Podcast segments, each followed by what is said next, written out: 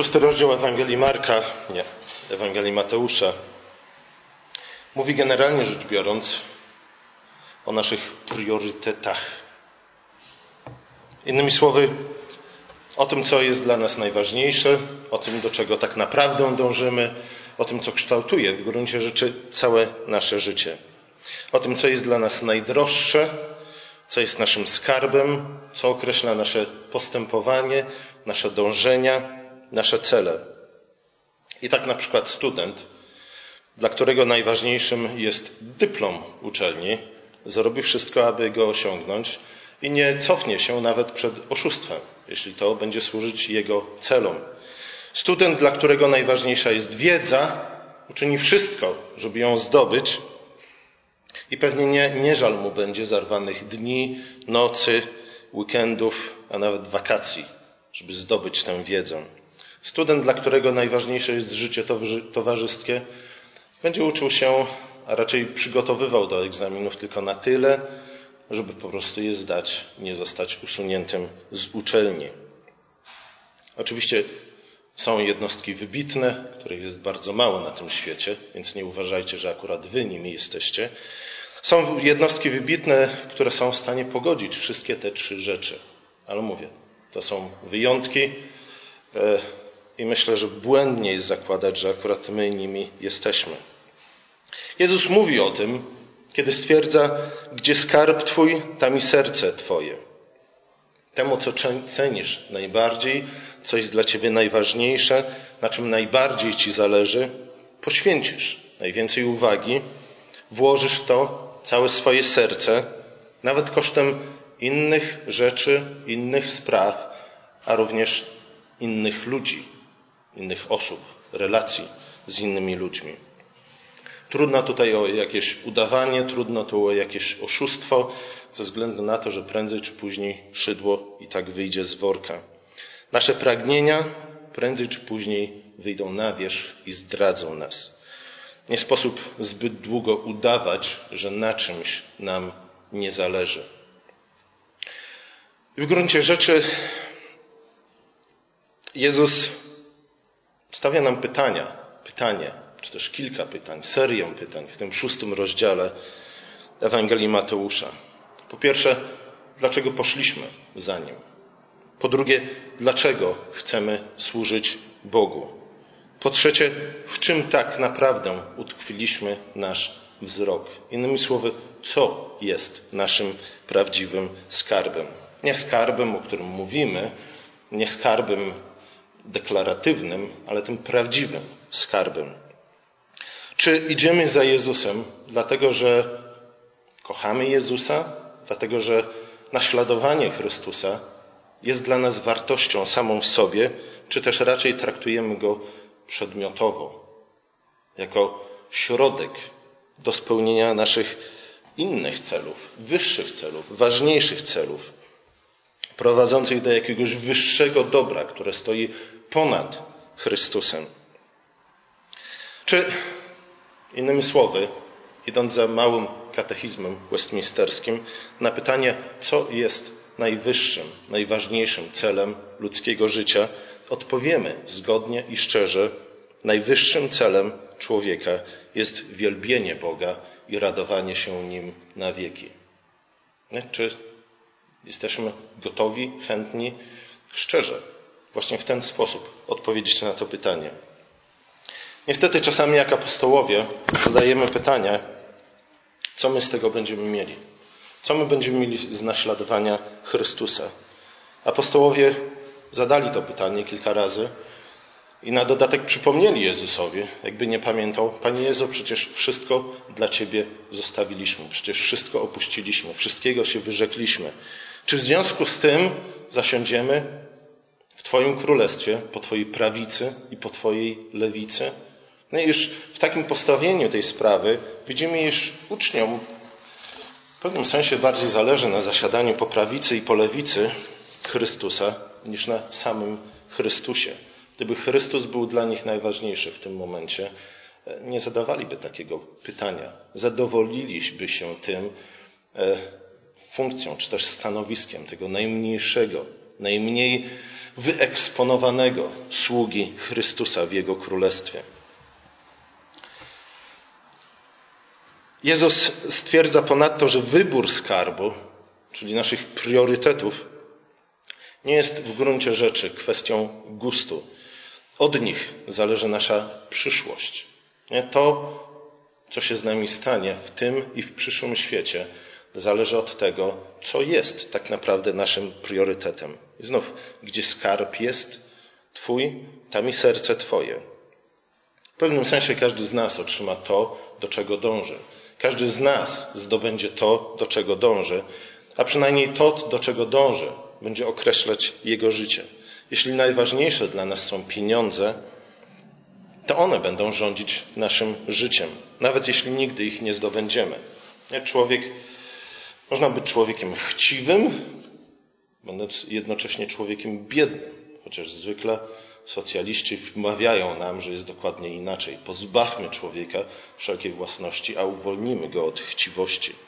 Nie? To pokazuje nam, jak błędne było zrozumienie człowieka i natury ludzkiej przez Marksa i spółkę.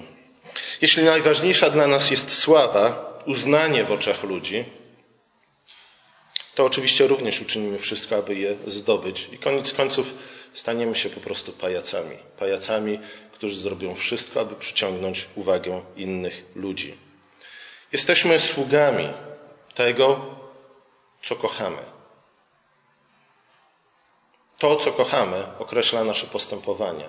To, co kochamy, jest naszym Bogiem i naszym Panem. Gotowi jesteśmy do poświęceń, najwyższych poświęceń, aby zdobyć to, na czym nam naprawdę zależy. Z drugiej strony Jezus mówi, że tak naprawdę tylko jedna rzecz, jedna sprawa albo jedna osoba może być na szczycie naszej listy priorytetów. Nie możecie dwóm panom służyć, ponieważ jednego z nich będziecie traktować instrumentalnie. Jednemu, jednego tak naprawdę pokochacie, a drugim wzgardzicie. Jeśli służymy Bogu ze względu na jakieś inne dobra, które są dla nas ważniejsze od Boga, jeśli dary Boże są dla nas ważniejsze niż sam darczyńca, to tak naprawdę służymy tym darom albo tym innym dobrom niż samemu Bogu. Bóg staje się dla nas jedynie celem, czy też środkiem do osiągnięcia celu. Jeśli służymy Bogu, aby zyskać cały świat, stracimy wszystko, a nawet własne dusze. Święty Augustyn napisał: Jeśli ktoś głosi Ewangelię, żeby miał co jeść, to ceni sobie pokarm wyżej niż Ewangelię. I ta fraza odnosi się w gruncie rzeczy do całego naszego życia. Jeśli służymy Bogu, jeśli jednak służymy Bogu po to, aby przede wszystkim wielbić Go i radować się Nim na wieki, to wtedy zyskujemy wszystko. I o tym również mówi Jezus w Ewangelii Mateusza. Starajcie się naprzód o Królestwo Boga i o Jego sprawiedliwość, a to wszystko zostanie Wam dodane. To wszystko, o co się troszczymy, to wszystko, o co wszyscy ludzie się troszczą i o co wszyscy ludzie zabiegają. A zatem Jezus nie mówi, że te inne sprawy, te inne dobra, czy nawet te inne osoby nie są ważne. Jezus nie zachęca nas do tego, abyśmy stali się jakimiś stoikami, czy wręcz pustelnikami, którzy wyrzekli się wszystkiego. Jedyne, co im, o co zabiegają, czy też co im potrzebne jest do życia, to chleb i woda i dach nad głową. Nie. Jezus nie mówi, że pieniądze, ubiór, jedzenie, dom, a nawet dobre imię są nic nie warte. Raczej Jezus sam używał tych wszystkich rzeczy. Z jednej strony mówi, że nie ma gdzie głowy skłonić, ale z drugiej strony był człowiekiem, który lubił dobrze zjeść, dobrze wypić, w dobrym towarzystwie, który nosił tunikę tak cenną i tak drogą, iż żołnierze nie chcieli jej podzielić na kawałki, ale rzucili o nią los. Starajcie się naprzód, mówi Jezus, o Królestwo Boże, a to wszystko zostanie Wam dodane. A zatem to nie dobra tego świata, to nie pieniądze, to nie ubiór, to nie dom, to nie praca, to nie sława są problemem jako takim, ale nasz stosunek do nich. Jak napisał apostoł Paweł, korzeniem wszelkiego zła jest umiłowanie pieniędzy. Nie pieniądze same w sobie, ale umiłowanie pieniędzy. Bogactwo jest dobre pod warunkiem, że potrafimy i chcemy poprzestawać na małym. Innymi słowy, jeśli potrafimy się samo ograniczyć, jeśli wiemy, co tak naprawdę jest najważniejsze w naszym życiu. Jeśli tego nie potrafimy, to wpadamy w sidła chciwości, którą Paweł nazywa bałwochwalstwem. Nazywa ją bałwochwalstwem ze względu na to, że człowiek, dla człowieka chciwego to właśnie pieniądze są jego Bogiem, ponieważ je kocha najbardziej, im służy, o nich marzy i wszystkie decyzje w swoim życiu podporządkowuje zdobycie, zdobyciu pieniędzy. Kiedy więc Jezus mówi, abyśmy się nie troszczyli o dobra tego świata, abyśmy nie troszczyli się o to, co będziemy jedli, co będzie, w co się ubierzemy, gdzie będziemy mieszkać, to nie chodzi mu o to, że te rzeczy nie są absolutnie warte naszej uwagi. Ze względu na to, że obiecuje nam to wszystko dać. I mówi, że Pan Bóg daje to wszystko tym, których miłuje. Pan Bóg daje to wszystko tym, którzy szukają wpierw Jego Królestwa. Te rzeczy jednak nie są godne naszej najwyższej miłości. Te rzeczy nie są godne naszego uwielbienia. Nie chodzi o to, że mamy tylko modlić się o chleb powszedni. Nie chodzi o to, że mamy tylko prosić Boga, aby nam dał to, czego potrzebujemy, że mamy porzucić, siew, orkę, żniwa i całe życie spędzić na nabożeństwie czy też na modłach. Apostoł Paweł powiedział między innymi, kto nie chce pracować, niech też nie je. Podstawowa zasada wszelkiej pomocy społecznej. Kto nie chce pracować, też niech nie je. A zatem ten, kto tylko się modli i czeka, aż Pan Bóg albo też inni ludzie dadzą mu wszystko, czego potrzebuje, jest człowiekiem złym, jest człowiekiem grzesznym, jest człowiekiem, który nie kocha Pana Boga i nic nie wie na temat sprawiedliwości i miłości. Mamy raczej czynić to, to wszystko, a więc orkę, siew, zbiory, żniwa. Mamy to wszystko czynić z radością, z ufnością, z modlitwą, ponieważ Ojciec nasz, który jest w niebie, troszczy się o nas i błogosławi naszą pracę. Luther powiedział, iż mamy pamiętać, że to nie bogactwa, ani nawet praca są naszym utrzymaniem, ale Bóg i Jego dary. Nie? To jest z kolei coś, co wszyscy zwolennicy kapitalizmu i wolnego rynku powinni sobie wziąć do serca i o czym powinni pamiętać. Nie, nie praca jest najważniejsza. Nie skończenie takiego ani albo innego kursu jest najważniejsze. Nie, jeśli człowiek rzeczywiście uwierzy w to, że najważniejsze jest jego wiedza, jego zdolności, jego przedsiębiorczość, to stanie się niewolnikiem tych wszystkich rzeczy.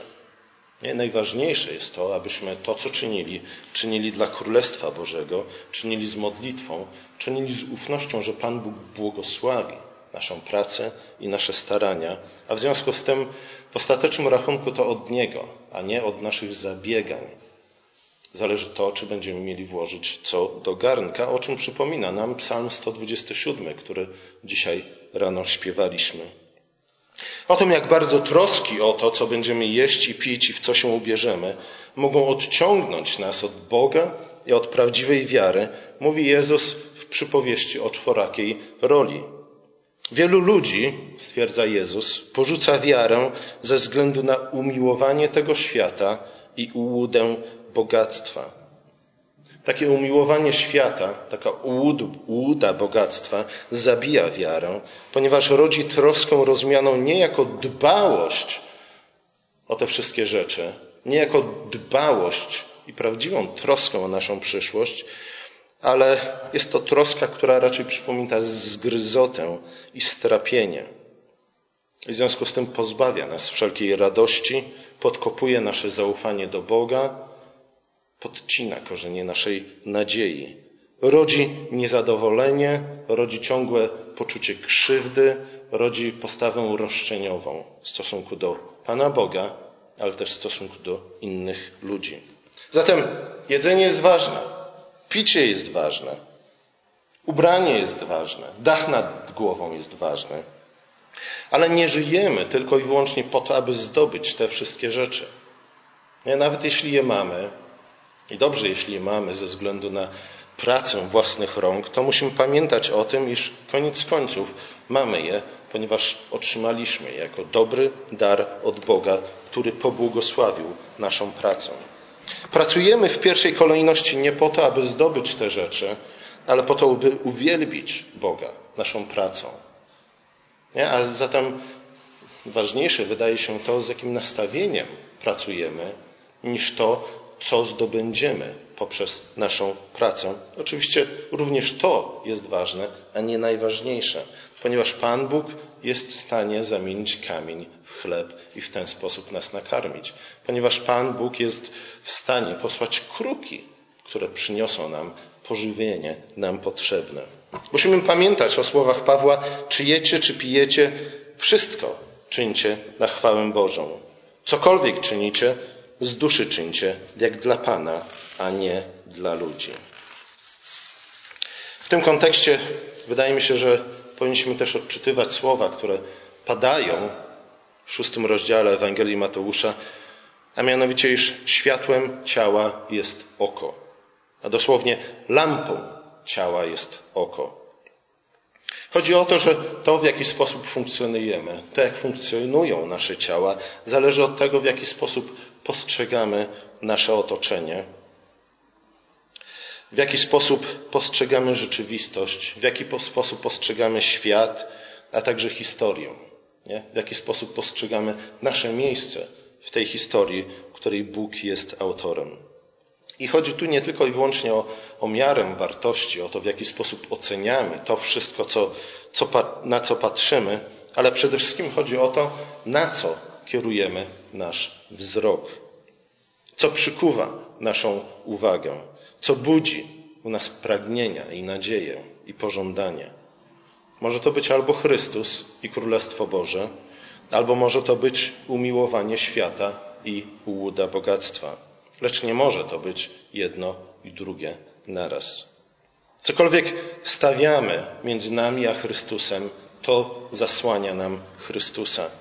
Może to być tradycja, może to być sława, może to być bogactwo, może to być nawet rodzina. Wszystko jedno co. Jeśli to w te rzeczy będziemy wpatrywać się, jeśli o nich będziemy marzyć, jeśli one będą w ostatecznym rozrachunku decydować o naszych decyzjach i o naszym życiu, to one staną się dla nas sidłami diabelskimi, bałwanami, którym będziemy służyć i do których będziemy powoli się upodabniać. Ale wtedy już nie będziemy uczniami i naśladowcami Chrystusa, ponieważ sami prędzej czy później odwrócimy się od Niego, porzucimy Go. Wtedy uczynimy to, kiedy zdamy sobie sprawę z tego, kiedy zauważymy, że Chrystus tak naprawdę nie pomaga, ale przeszkadza nam w realizacji naszych celów. A przeszkadza nam w realizacji naszych celów wtedy, kiedy inne cele, zamiast radowanie się i wielbienie Boga na wieki, staje się naszym priorytetem. A zatem, zamiast wpatrywać się w rzeczy tego świata, powinniśmy raczej jak zachęca nas do tego autor listu do Hebrajczyków, patrzeć na Chrystusa, wpatrywać się w Chrystusa, który nam w wierze przewodzi i ją wydoskonala. Amen.